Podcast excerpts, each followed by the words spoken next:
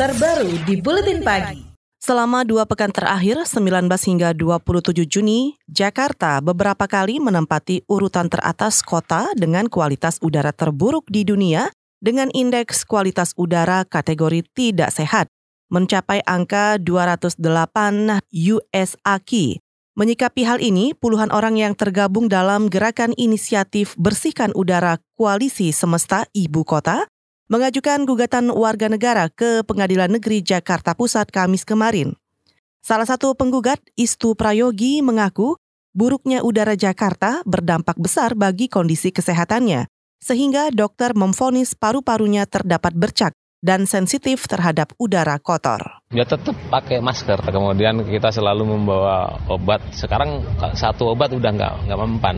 Jadi saya harus tiga. Kalau satu obat itu belum sembuh, selang beberapa jam kemudian saya minum satu lagi yang jenisnya beda lagi. Kalau itu nggak sembuh, beberapa menit lagi saya minum lagi. Jadi tiga itu kadang-kadang baru bisa hilangin sakit. Itu tadi salah satu penggugat Istu Prayogi.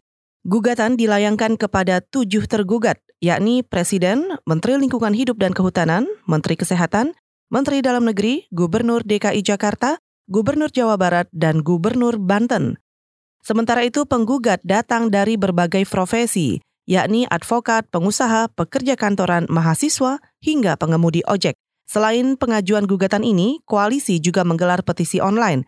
Dan terakhir, sedikitnya ada seribuan warga yang menandatangani petisi ini. Kualitas udara di ibu kota Jakarta masuk dalam kategori tidak sehat. Merespon hal itu, Gubernur DKI Jakarta Anies Baswedan mengatakan polusi udara di Jakarta terjadi akibat banyaknya jumlah kendaraan Pemprov mencatat kendaraan bermotor menyumbang polusi udara mencapai 75 persen. Kita harus mempercepat pengintegrasian transportasi, penuntasan eh, proyek-proyek pembangunan kendaraan umum massal, perluasan Transjakarta, dan ketersambungan antar moda. Jadi memang harus didorong terus. Itu tadi Gubernur DKI Jakarta Anies Baswedan. Sebelumnya data dari laman Air Visual pada hari Kamis kemarin, indeks kualitas udara di Jakarta mencapai angka 139 US AKI. Angka ini menunjukkan ibu kota Indonesia berada di posisi kedua terburuk di dunia di bawah kota Lahore, Pakistan. Sementara itu, Kementerian Lingkungan Hidup dan Kehutanan atau KLHK mengklaim pemerintah telah berusaha menurunkan tingkat polusi udara di Jakarta. Dirjen Pengendalian Pencemaran dan Kerusakan Lingkungan KLHK Karliansah mengklaim pemerintah sudah membenahi permasalahan lingkungan dengan memanfaatkan bahan bakar gas, penerapan wilayah ganjil genap, car free day, pembangunan taman-taman kota, dan hutan kota sebenarnya karena ini mulai masuk musim kemarau ya, debunya kan ya ke udara lah banyak-banyak. Kalau jumlah kendaraan mobil kan di Jakarta sekitar setengah juta.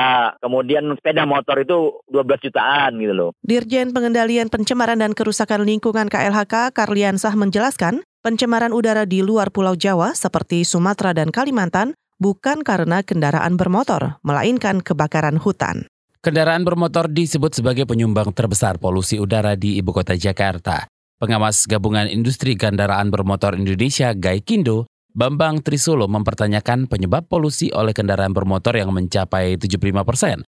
Gaikindo pun mendesak pemerintah sediakan bahan bakar rendah emisi untuk mengurangi polusi udara di Indonesia. Kalau hanya membela diri bahwa so what kalau satu dua persen itu. Karena apa? Kan penggalian udara cemaran itu apa mutlak di tangannya Departemen Lingkungan kan belum tentu. Kalau mutlak tangan dia, dia keluarin peraturan melarang kendaraan kayak di Singapura di bawah 20 tahun, di atas 20 tahun maksudnya. Tidak boleh masuk, terutama kendaraan komersial, termasuk kendaraan pemerintah. Nah yang pemerintah beli bekasnya dulu aja lebih daripada kan nggak sinkron ini. Nah kalau dia ngeklaim begitu, berikan alternatif. Pengawas Gaikindo Bambang Trisulo menilai pemerintah masih lemah dalam menetapkan standar kelayakan sebuah kendaraan bermotor. Sementara itu, organisasi lingkungan hidup Greenpeace Indonesia menilai memburuknya kualitas udara di ibu kota akibat tidak ada kajian ilmiah yang dilakukan pemerintah sebagai upaya meminimalisasi polusi udara kotor. Juru kampanye Greenpeace Indonesia, Bondan Andrianu mengatakan, pemerintah daerah maupun pusat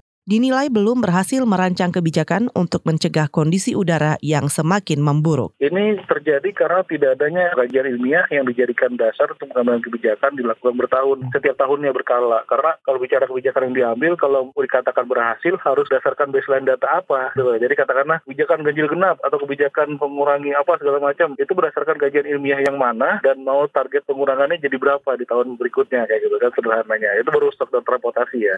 Juru kampanye Greenpeace Indonesia, Bondan juga menambahkan Indonesia menduduki tingkat polusi terburuk dibandingkan negara-negara lain di Asia Tenggara. Berdasarkan pemantauan kualitas udara yang dilakukan Greenpeace Indonesia sejak Januari hingga Juni, di 21 lokasi di Jabodetabek terindikasi telah memasuki level tidak sehat jauh melebihi standar WHO dan baku mutu udara ambien nasional. KBR, inspiratif, terpercaya.